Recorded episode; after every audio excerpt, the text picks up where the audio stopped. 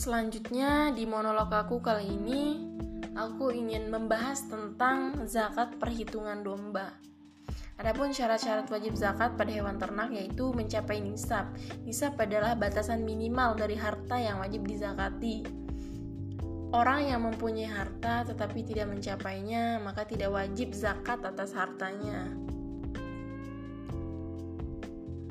Nisab zakat kambing dan domba serta kadar zakat yang wajib dikeluarkan yaitu 1 sampai 39 tidak ada kewajiban zakat.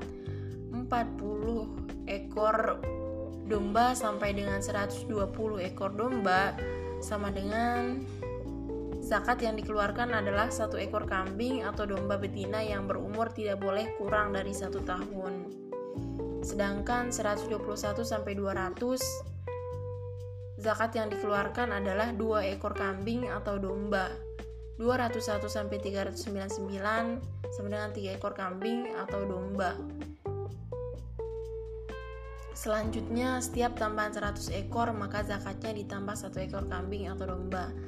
Terima kasih. Bila ada kekurangan, mohon maaf. thank